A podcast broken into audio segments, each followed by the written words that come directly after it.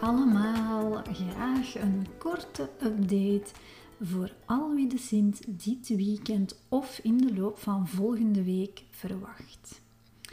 Na een vergadering met de heilige man zijn we tot een akkoord gekomen. Een mooi akkoord. Sneller, logischer en simpeler bovenal dan wat tegenwoordig onze regering kan bewerkstelligen. Op de vergadering aanwezig de Sint en zijn entourage, zijn hulppieten, maar dus ook diëtisten, tandartsen, kinesisten, dokters, eigenlijk al wie gezondheid in het algemeen aanbelangt. Er werd op die vergadering besloten dat in kader van gezondheid van onze kinderen, maar ook onze volwassenen, nog een mail of een postkaart door de ouders mag verstuurd worden om de Sint te vragen niet te veel snoepgoed te brengen. Wel voldoende om er een feest van te maken voor de kinderen, maar geen overaanbod gezien jaarlijks de restjes worden opgegeten door mama's en papa's, of zelfs oma's en opa's.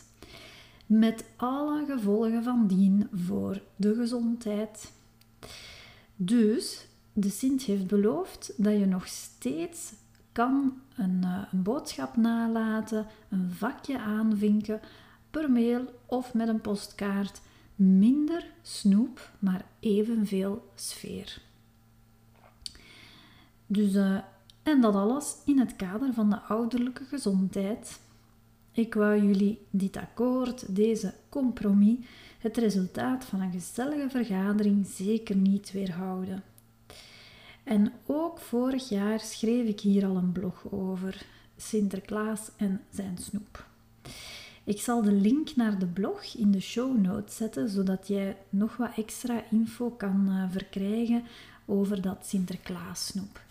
Je kan dan via de website eens gaan lezen wat ik daar vorig jaar al over te zeggen had, wat ik daar vorig jaar al over schreef.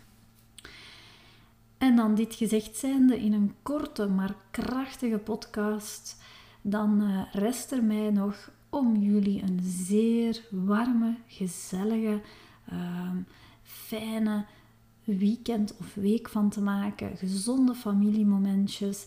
Geniet ervan. Geniet van die magische momentjes. En uh, ja, dat ga ik ook doen samen met mijn kindjes.